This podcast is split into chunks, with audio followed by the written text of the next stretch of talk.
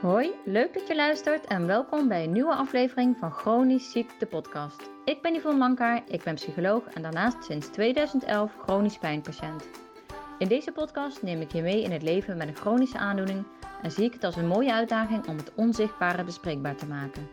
Hiervoor ga ik in gesprek met experts en ervaringsdeskundigen. Ik deel naast mijn eigen ervaringen ook handige tips en met dit alles hoop ik je te inspireren tot een waardevol leven, ook als je chronisch ziek bent.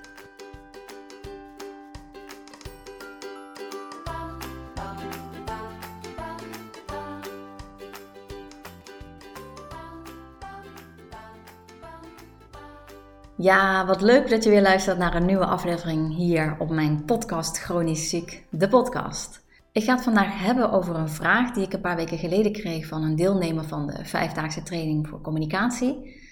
En ik ga de vraag eerst even voorlezen en daarna ga ik daar een reactie op geven. Ik word wanneer ik moe ben juist heel druk. De rem is er dan vanaf. Anderen in mijn omgeving denken dan dat het goed met mij gaat, terwijl het juist steeds slechter gaat. Het put me ontzettend uit. Heb je ervaring ermee en heb je praktische tips?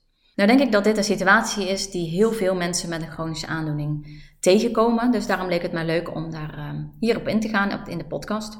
Want het is namelijk een super herkenbare situatie die ik heel veel hoor van cliënten. Ik zie en spreek natuurlijk heel veel mensen met chronische klachten. En nagenoeg altijd komen we tot de overeenkomst dat de planning rustiger moet. Want waar mensen heel vaak zelf denken dat ze eigenlijk veel minder doen dan wat ze deden, Um, en dat eigenlijk ook veel te weinig vinden. Als ze mij dan een planning laten zien, een weekschema, dan uh, daar kan ik natuurlijk super veel inzichten uithalen. Dan uh, valt het mij nou ja, bijna altijd op dat er gewoon eigenlijk nog steeds een hele drukke planning is. Of dat mensen veel te veel dingen achter elkaar pla plakken, of uh, bepaalde activiteiten onderschatten. Of bepaalde activiteiten niet meetellen. Dus bepaalde voorbereiding of uh, opstaan en klaarmaken. Of bepaalde kleine dingen in huis die eigenlijk helemaal niet meegerekend worden. Dus de planning is vaak nog veel te vol. En mijn advies is dan eigenlijk altijd eerst die planning wat leger maken. Zodat je op adem komt en een beetje kan bijtanken. Je energieniveau weer kan aanvullen. Nou, meestal lukt dat een week. Dan gaan mensen er enthousiast mee aan de slag. Maar wat er in die week gebeurt, is dat men veel meer gaat voelen. De spanning neemt toe, heel vaak ontstaat er veel meer pijn, uh, er is veel meer onrust. Die gevoelens ontstaan vaak door oordelen die je zelf hebt.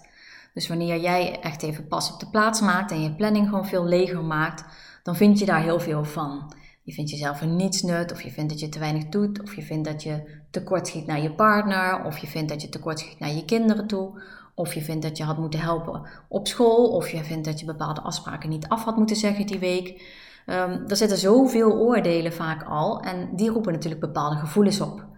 Dus je wordt daar onzeker van, of verdrietig, of uh, bang dat dit blijvend gaat zijn, of je wordt er boos van. Nou, je kunt je voorstellen dat dat natuurlijk niet goed is voor die spanning en die pijn die al ontstaat. En je wordt er ook heel onrustig van.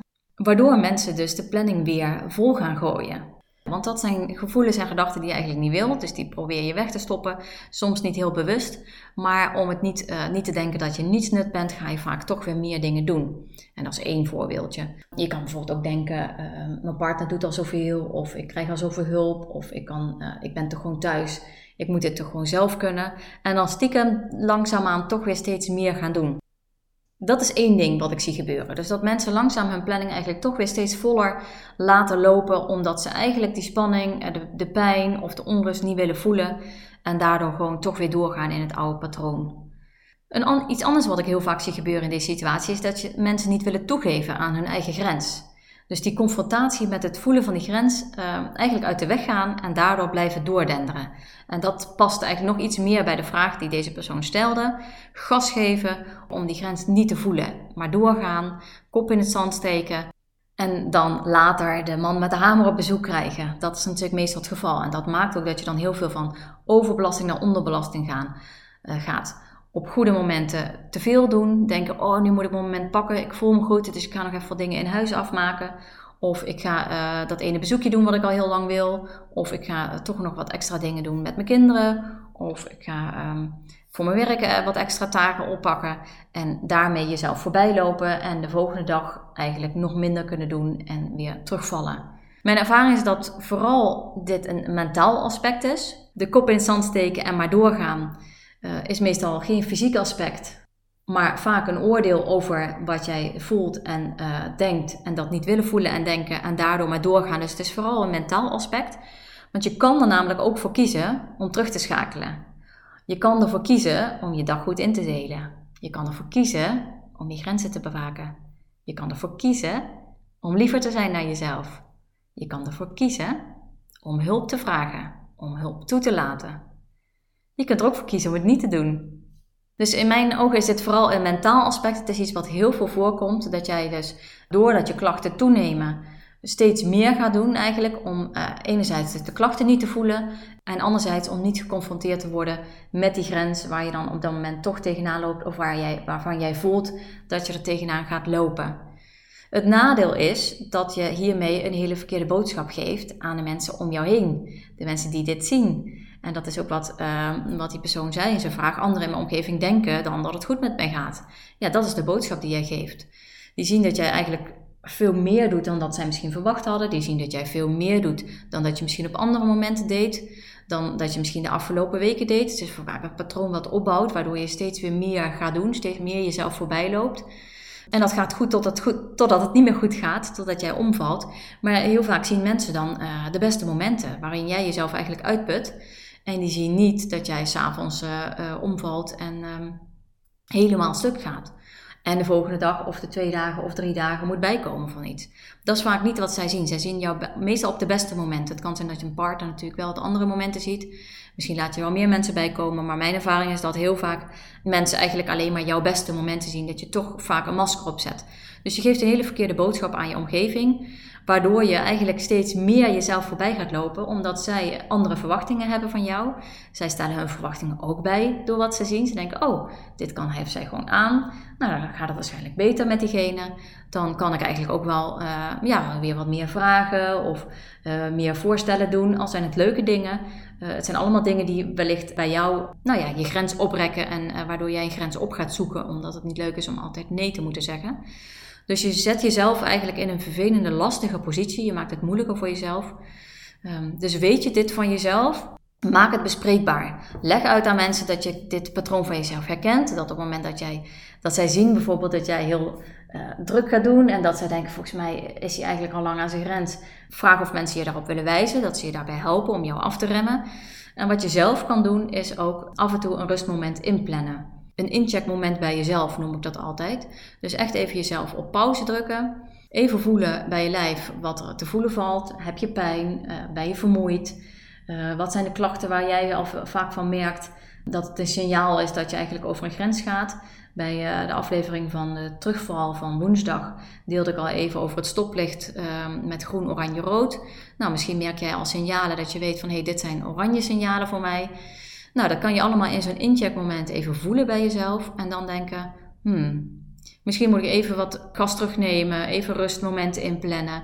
Waardoor je in ieder geval er veel meer een balans in brengt. Dus niet maar doorjakkert en dat gevoel volledig wegstopt.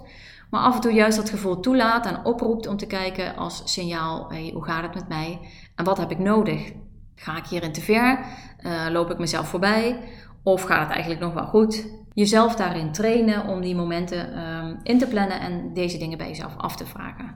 Dus even samengevat, ja, het komt dus heel vaak voor dat mensen zich voorbij lopen. Enerzijds omdat ze dus wanneer ze meer rust nemen, uh, vervelende gevoelens en gedachten ervaren en dat niet willen en daardoor weer langzaam meer gas gaan geven. Anderzijds is het ook de angst met de confrontatie met de eigen grens. Van jeetje, als ik dit niet kan, wat zegt dat dan over mij? En daar ook weer negatieve gedachten over krijgen. Um, en die grens eigenlijk niet onder ogen willen zien en daardoor door blijven denderen. Het is vooral een mentaal aspect. De oordelen die jij zelf hebt over dingen die je niet, niet kunt. En daardoor harder gaan lopen. Wat kun je doen? Je omgeving erbij betrekken, want aan hun geef je ook een heel ander signaal dan dat er eigenlijk daadwerkelijk speelt. Dus betrek je omgeving erbij, laat ze je helpen waar dat kan. En Zet jezelf af en toe stil in een incheckmoment, zodat jij kunt voelen wat je nodig hebt. Of je aan het doordenderen bent en dat je een rustmoment nodig hebt. Of dat je misschien net voordat je naar een afspraak gaat, voelt of dat nog wel gaat. Of ochtends als je opstaat, dat je denkt van hé, hey, ik heb dit op de planning. Is het allemaal wel haalbaar of moet ik daar wat afhalen? Dus inchecken bij jezelf en afvragen. Wat kan ik? Wat wil ik? Wat is goed voor mij? Waar doe ik goed aan? Wat zijn de consequenties? En dat is echt niet altijd leuk om dat jezelf continu af te vragen. En dat hoeft ook niet. Maar zeker in het begin, wanneer je hiermee aan de slag wil gaan, wanneer jij merkt van hé, hey, ik ga vaak over mijn grenzen heen, dan is het belangrijk om dit gewoon even consequent te doen. Iedere dag, een paar keer per dag, leer je je eigen signalen kennen en leer je ook daarna handelen. Dus je leert ook uh, wat manieren zijn om dan in te spelen op zo'n signaal. Nou, dat is wat ik uh, wilde vertellen over wanneer jij het idee hebt dat je eigenlijk juist heel moe bent of uh, veel klachten hebt, maar daar juist heel druk van wordt. Uh, ik hoop dat je er wat aan hebt, dat je er wat aan uithaalt. Ik ben heel benieuwd als er één tip zou zijn waarvan je zegt, nou, dat ga ik proberen of daar ga ik mee aan de slag. Wat dat dan zou zijn, laat me dat vooral even weten. Mocht je nog een onderwerp hebben of een vraag, net zoals deze, waarvan je zegt, nou, ik ben wel benieuwd Yvonne hoe jij daarover denkt, of wat je ervaring daarmee is, of dat je tips hebt, stuur hem vooral door. Dan, uh, nou, wie weet dat ik er een uh, podcastaflevering over ga maken, of je ergens op kan wijzen dat ik er al een keer iets over geschreven of uh, gemaakt heb. Ik wens jullie voor nu een hele fijne dag en super bedankt voor het luisteren weer. Superleuk dat je weer luisterde naar een aflevering van Chronisch Ziekte Podcast. Ik hoop dat het je nieuwe inzichten en inspiratie opgeleverd heeft. Laat het me vooral weten op Instagram waar je me kunt vinden op Yvonne Psycholoog. Laat daar ook je vragen achter die ik eventueel mee kan nemen in een nieuwe aflevering. Wil jij een centje krijgen wanneer er weer een nieuwe aflevering van Chronisch Ziekte Podcast online komt? Abonneer je dan op dit kanaal op je Spotify app of op iTunes. En ik zou het echt super tof vinden wanneer je hier een review achter wil laten. Daarmee help je mij meer mensen te bereiken en daar word ik dan weer heel blij van. Tot de volgende aflevering en nog een hele mooie dag gewenst.